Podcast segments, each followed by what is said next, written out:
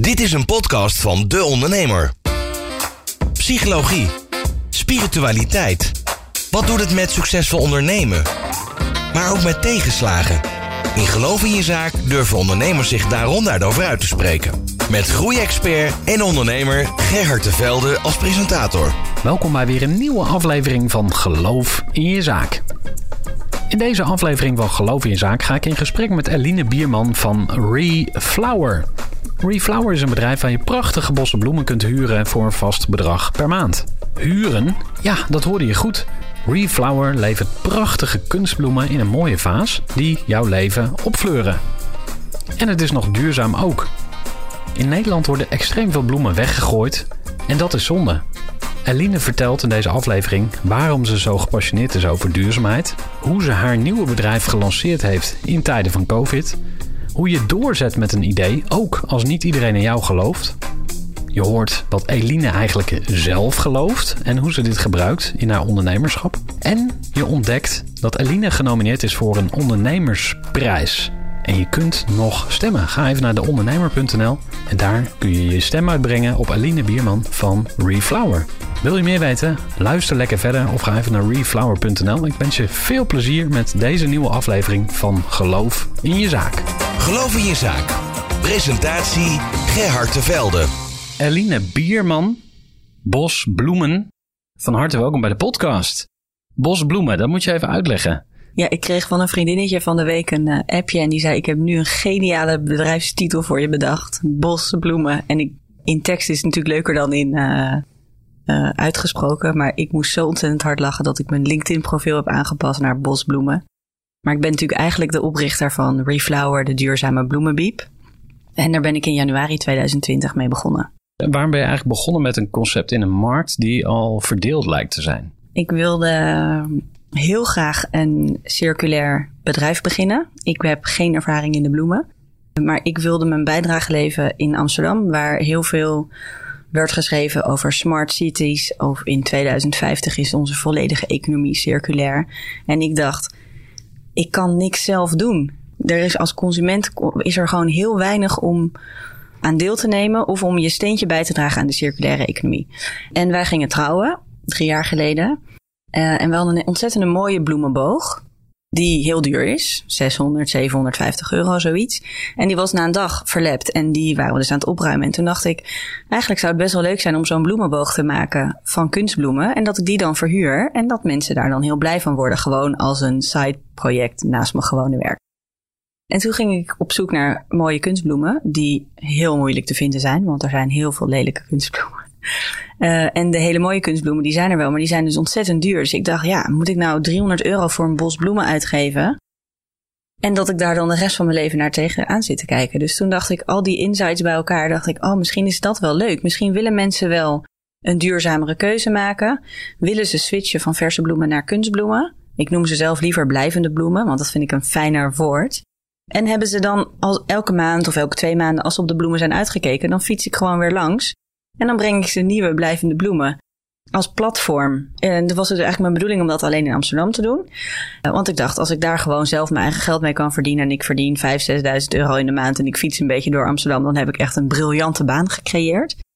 En toen had ik, heb ik het gelanceerd als een tijdschrift. Want ik heb altijd uh, in de media gewerkt. Met een tweeledige doelstelling. Ik wilde eigenlijk ook een soort netwerk bouwen voor al die vrouwen met wie ik gewerkt heb die helemaal niet tegen een glazen plafond aan lijken te lopen. Die gewoon allemaal super lekker bezig zijn, goede banen hebben, elkaar motiveren, positief zijn. Nou, die heb ik allemaal uitgenodigd. Het waren 80 uh, vrouwen. Het was een te leuke lancering. Het was fantastisch. En uh, toen had ik in één keer al 60 mensen die mee wilden doen. Dus toen uh, ging het als een trein. Ja, en toen dacht je, dit is serieus. En uh, kan je nog momenten herinneren dat je die, die stap maakte? Dat je zei van, oké, nu ga ik er echt een bedrijf van maken? Uh, nou, ik heb het al wel meteen als een echt bedrijf gezien. Maar ik dacht gewoon, ik ben gewoon één iemand die door Amsterdam gaat fietsen. En toen ging ik naar de Impact Hub in Amsterdam om informatie te krijgen over hoe je dat dan moet financieren. Want ik wist, ik weet natuurlijk vanaf het begin dat je een hele lange adem moet hebben om vrij duur product met een hele hoge service level als product as a service bedrijf te lanceren. Dat is, daar heb je gewoon een hele lange adem voor nodig. Dus je moet accepteren dat je in het eerste jaar eigenlijk niks verdient aan het feit dat je de bloemen verhuurd hebt. Dat kon ik doen omdat ik dus een jaar als freelancer 10.000 euro in de maand had verdiend. Dus ik kon, uh, dat heb ik gewoon opgespaard. Ja, dus dat was jouw runway, zoals dat zo mooi heet. En het platform in die zin is, uh, het is een, ik heb gewoon een webshop gemaakt -hmm. in Shopify. Niet heel uh, spannend. En ik heb ook de uh, go-to-market, was zes weken. Hmm. Dus ik heb wel, ik heb foto's gemaakt. Uh, ik heb wel zelf bloemen ingekocht, want ik kon het niet doen met stokfotografie. Maar ik heb foto's gemaakt uh, met een styliste. Die heeft mij daarbij geholpen. Want ik dacht, dat moet er natuurlijk wel heel goed uitzien. Want ik kom uit de tijdschriften, ik weet hoe dat werkt. Die site ziet er gewoon best wel goed uit. In Shopify kan je gewoon een, een, een site maken uh, voor 29 euro per maand. En dan kan je het gewoon testen. Dus ik heb dit eerste jaar, 2020, heb ik echt als testjaar gezien. Nou, de test is meer dan goed geslaagd. Er doen nu 130 uh, mensen mee. En er zijn ook heel veel weer gestopt. Uh, restaurants, horeca, kantoren die dicht zijn. Dus ik denk dat de potentie nog echt vele malen groter is. En ik heb nog geen sales gedaan. Ik heb geen Google Ads ingezet. Ik heb geen Facebook advertising. Geen Instagram. Uh, um, dat heb ik allemaal nog niet gedaan. Ja, en ik hoor nu potentiële investeerders die luisteren denken van... oeh, dit is een mooie kans. Want we hebben een schaalbaar concept... Wat maakt volgens jou Reflower schaalbaar? Uh, hoe ik het nu voor me zie. Ik heb drie groeiscenario's uh, bekeken en uitgewerkt. Het McDonald's scenario, het Fleurop scenario en het Bloemop scenario heb ik het genoemd. Het Bloemond scenario. Het Fleurop scenario, dan zou je dus een licentie uitgeven aan andere partijen die jouw bloemen gaan doen. Dan is het heel ingewikkeld op welke manier wie blijft er eigenaar van de bloemen en om ook de stijl te bepalen. Want het is dus heel moeilijk om een mooie stijl voor elkaar te krijgen. Dat is echt best wel ingewikkeld. Het is echt een kunst om de blijvende bloemen mooi in een vaas te krijgen. Het franchise-model, het McDonald's-model, daar heb ik zelf geen zin in. Want ik heb helemaal geen zin in 100 juridische contracten. En dat je dan in één keer meer een advocaat bent dan dat je daadwerkelijk met de circulaire economie bezig bent. Uh, dus ik heb gekozen voor het Bloemon-model. Dus dan blijf je zelf eigenaar van alle abonnees.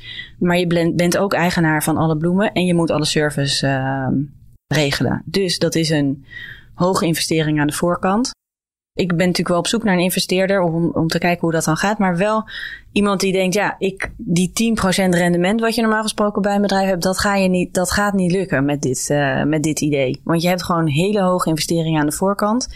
Maar die bloemen die gaan um, 10 jaar mee in de verhuur. En daarna blijven ze nog 20 jaar eigenlijk geschikt om ook te gebruiken.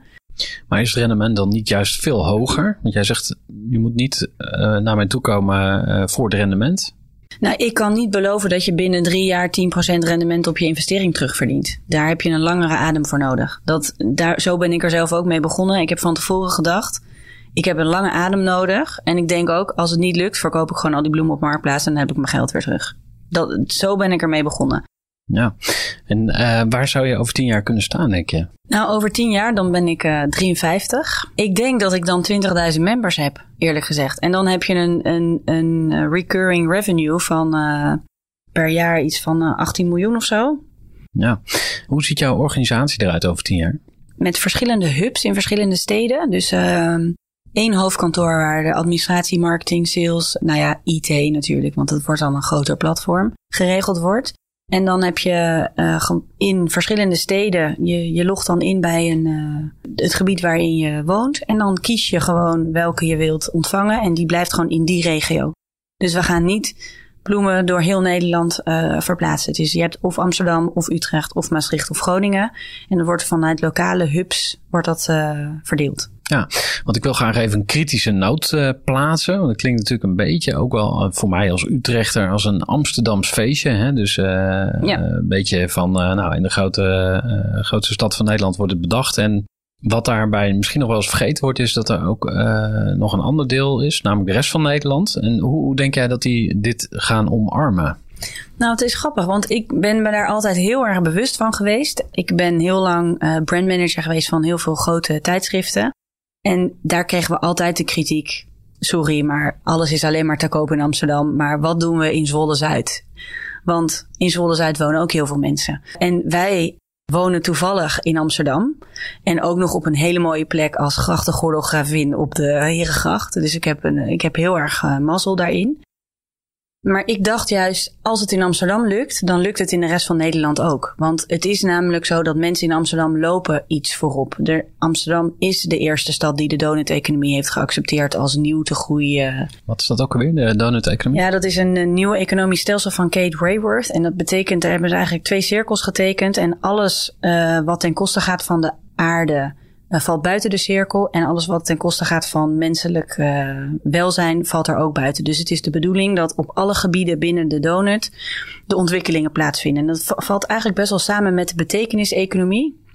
Uh, waar Kees Klomp heel erg aanjager van is. En dat is dat je de, niet alleen maar je groei of je geluk of je de, de welvaart van het land afmeet aan de groei van het BNP. Maar dat je zegt er zijn drie pijlers en dat zijn welzijn, welvaart en welbevinden.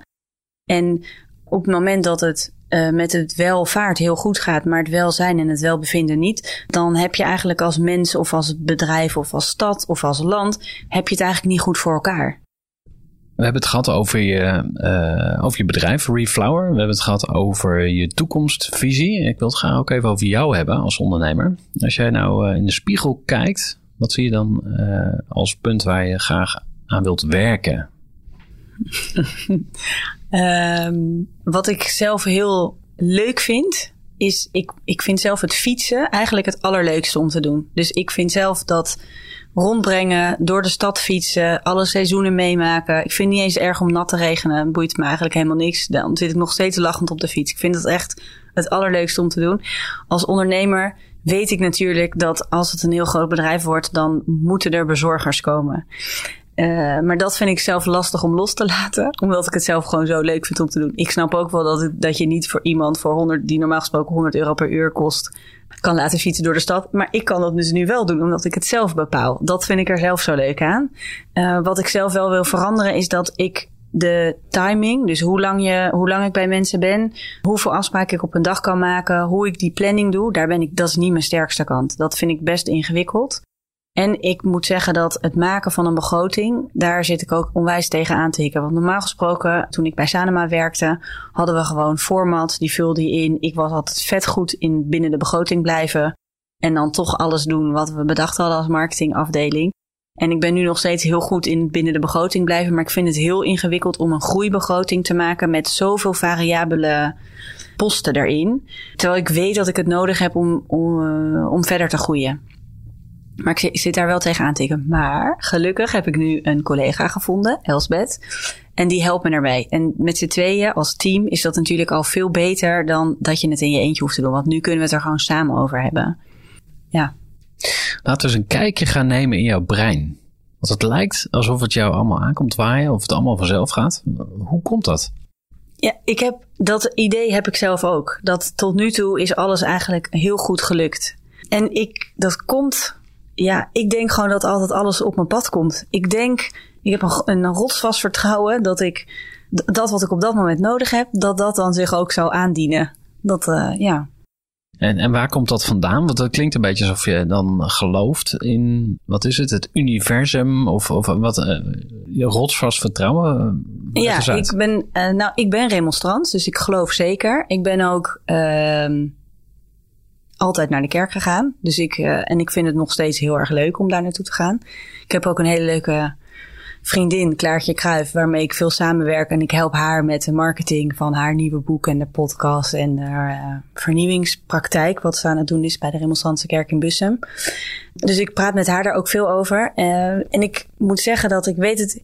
Ik verwacht nooit van andere mensen dat ze geloven. Alleen mij helpt het heel erg dat ik gewoon denk: oh, het komt allemaal wel goed de, de manier waarop, um, waarop ik dat vertrouwen heb, komt ook omdat ik altijd denk: niemand weet van tevoren wat ik bedacht heb. Dus bijvoorbeeld met het lanceringsfeest heb je natuurlijk van tevoren had ik helemaal bedacht hoe het er dan uit moet zien. Ik ben niet perfectionistisch. Wat ik, een, uh, wat ik soms jammer vind, maar ik ben het gewoon niet. Maar daarbij heb ik altijd, en dat probeer ik ook altijd mee te geven aan de mensen met wie ik samenwerk, niemand weet van tevoren wat je bedacht hebt.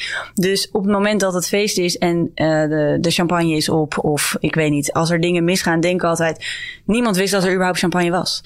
Het maakt niet uit. Het, het, niemand weet van tevoren wat je bedacht hebt. Dus het, dan lijkt het ook, dan is het ook, dan lijkt het ook goed.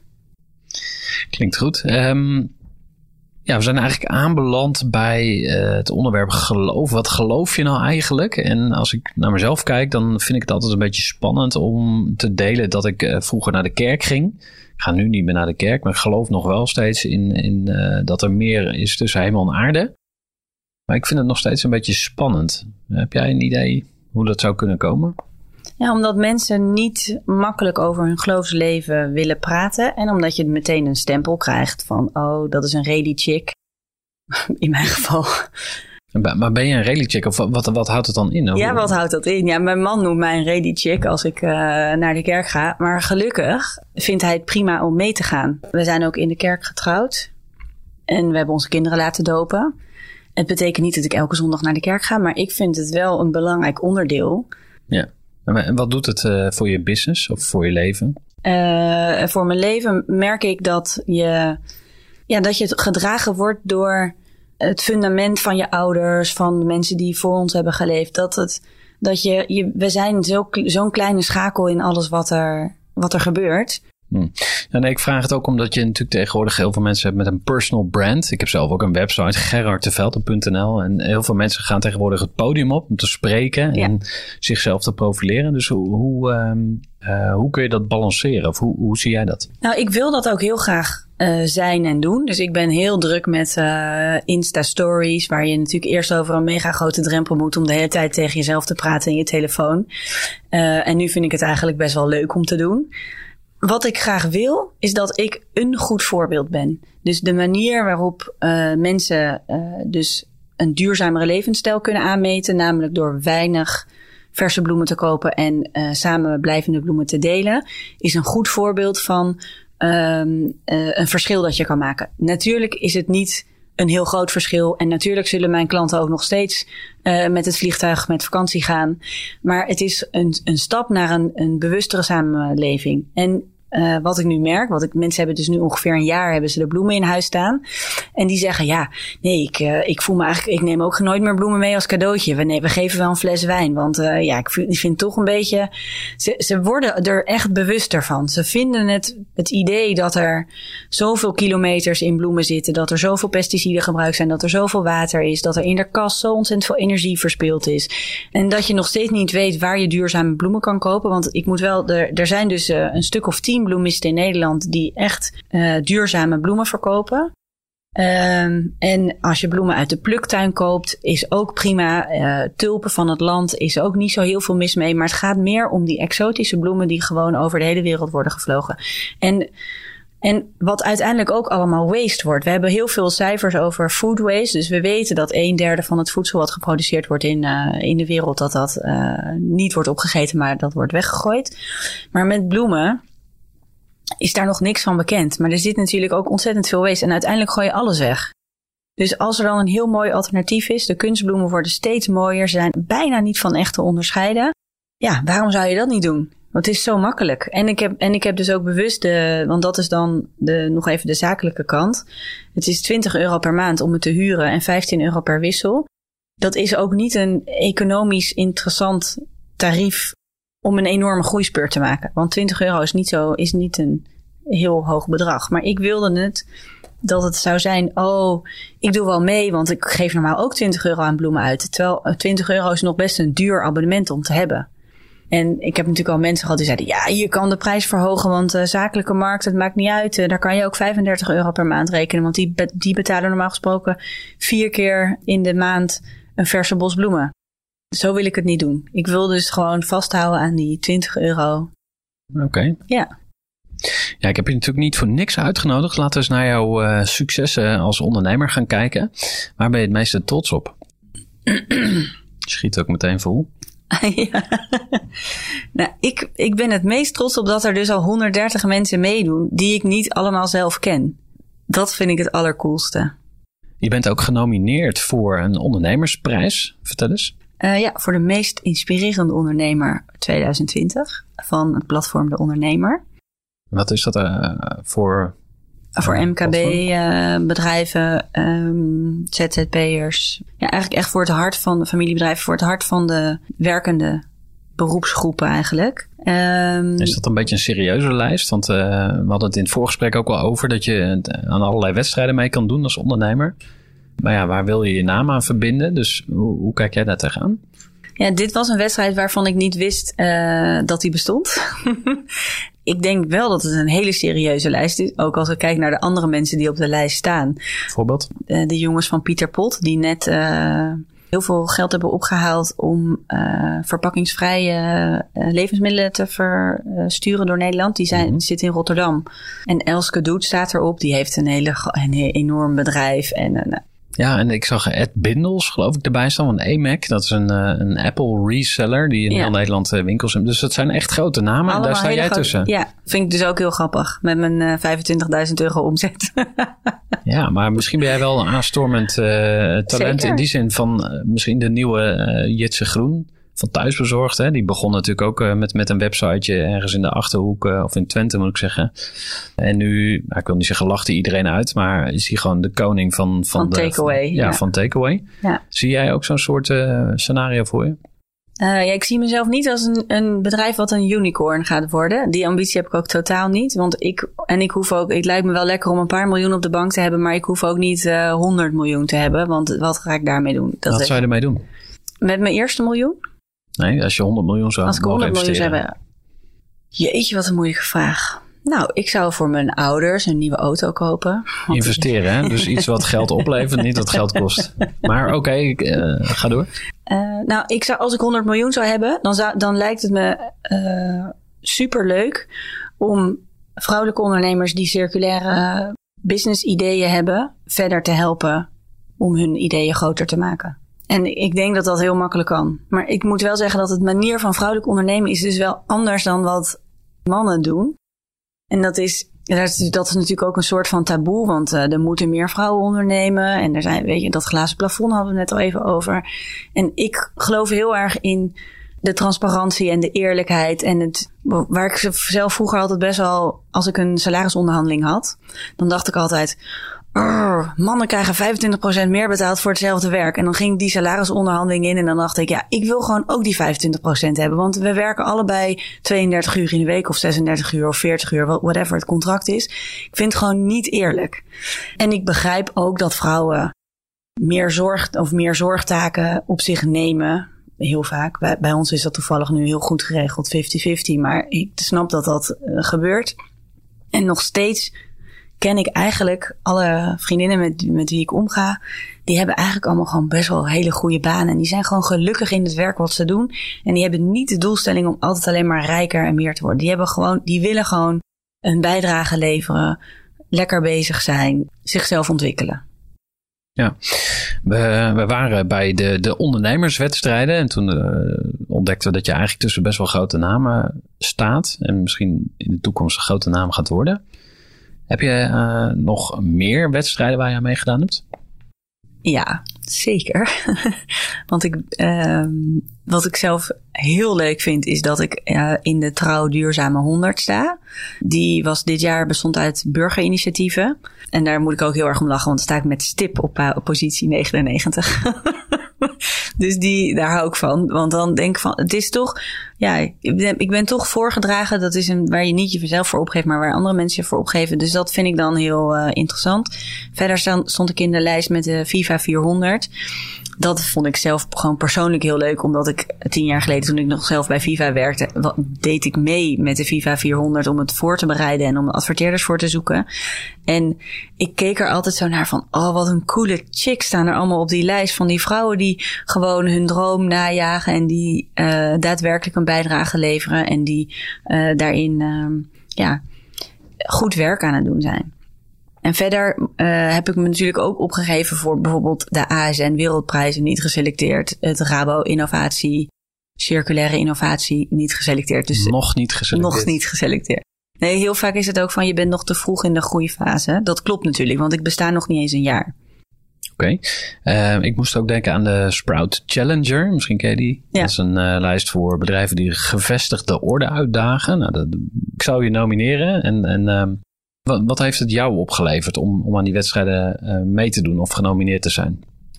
binnen de duurzame koplopers staat die trouw duurzame 100 staat wel echt heel erg goed bekend. Dus dat is wel een, uh, iets wat ik gebruik in mijn communicatie als ik zakelijke klanten wil uh, benaderen.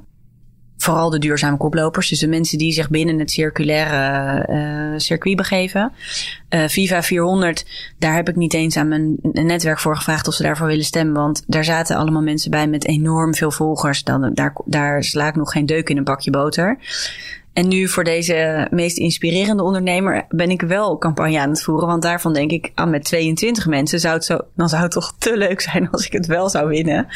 Um, al is het maar dat, je, dat een outsider het wint. Want ik heb, het is nog zo klein. Maar ik denk eerlijk gezegd dat het volgend jaar of over twee jaar, dat het echt best wel, het, iedereen kent het merk al. En ik heb al ontzettend veel PR-aandacht gekregen in, de, in het Parool en in de Volkskrant en op uh, Editie NL. En de, het merk is echt al een bekend merk. En je kan het ook op allerlei verschillende manieren insteken. Want je kan het of op style insteken, of op duurzaamheid, of op female leadership. Of, dus je, ik stuur gewoon elke keer als ik denk, oh, dit is leuk voor uh, dit medium, dan stuur ik daar een berichtje naartoe. Dus dat levert het zeker op. Ja. Als je zelf een uh, prijs zou mogen uitloven, wat voor prijs zou jij in het leven willen roepen? Toevallig heb ik het daarover gehad met mijn vriendin Josette de Vroeg van Noah. Uh, en Noah is uh, No Waste. Die maken uh, sieraden van goud en zilver gewonnen uit mobiele telefoons. Hmm. Super interessant.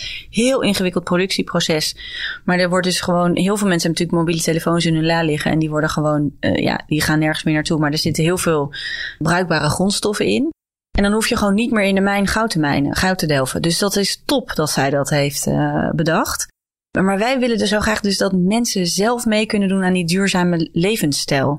Dus daar zou ik best een dat lijkt mij een hele interessante prijs om op te zetten. Dus dat, dat wat consumenten zelf kunnen doen. Keuzes die je zelf kan maken, die bijdragen aan een betere wereld. Ja, dus echt het, hand, het eh, heft in eigen hand nemen. Ja. ja. Uh, we gaan alweer richting afronding van dit gesprek, hoe jammer het ook is. We gaan elkaar vast nog wel spreken. We gaan sowieso nog heel veel van jou horen.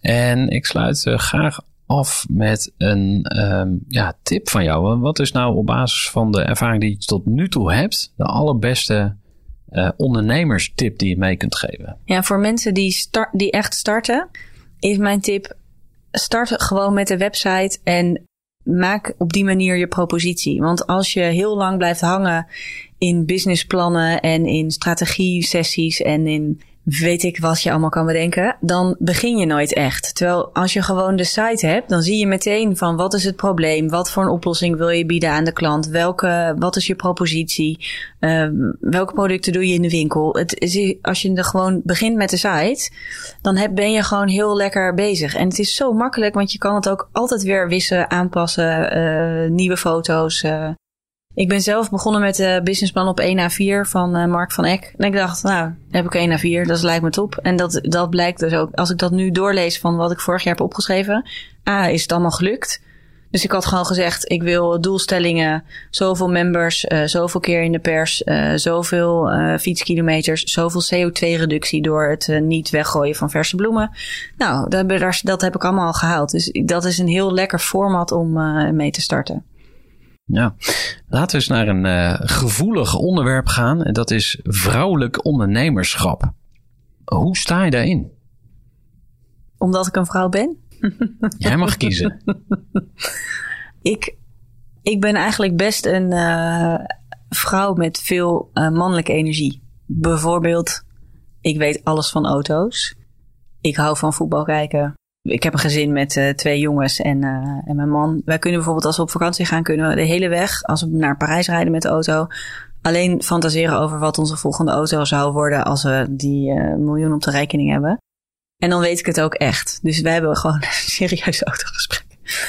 En, en toch heb ik dus altijd in een hele vrouwelijke omgeving gewerkt. Dus ik heb altijd gewerkt met hele sterke uitgevers, vrouwen, hoofdredacteuren, allemaal vrouw, marketingdirecteuren, allemaal vrouw waarbij ze elkaar verder willen helpen. Dus een goed voorbeeld is bijvoorbeeld uh, de marketingmanager van uh, Libelle, Vivienne Werner.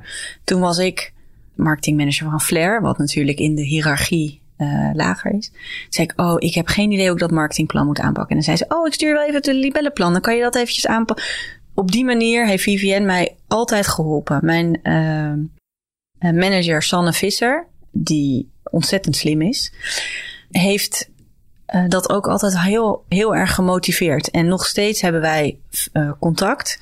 Zij helpen ook met Reflower als ik zeg uh, hoe zit het eigenlijk met dit of dat op de business. En ik kan erop vertrouwen dat zij eerlijk zijn. Ja, dus dat vrouwelijk ondernemerschap is gewoon heel erg. Ik, wat ik heel erg gebruik is mijn netwerk. Ik heb één oud collega, wat nu een hele goede vriendin is. Ik hoef maar A te zeggen en zij doet B. En we weten precies van elkaar wat we moeten doen. En zij heeft een andere baan en een, ook een druk gezin. Maar ze helpt altijd en ik help haar ook altijd. Dus uh, met Willemijn is het fantastisch samenwerken. En we stimuleren elkaars groei. Ja, wat ik interessant vind aan je antwoord is dat je juist ook heel vaak het uh, tegengeluid hoort. Hè? Van vrouwen helpen elkaar niet, die, zijn, die, die, die werken elkaar juist tegen. Ja.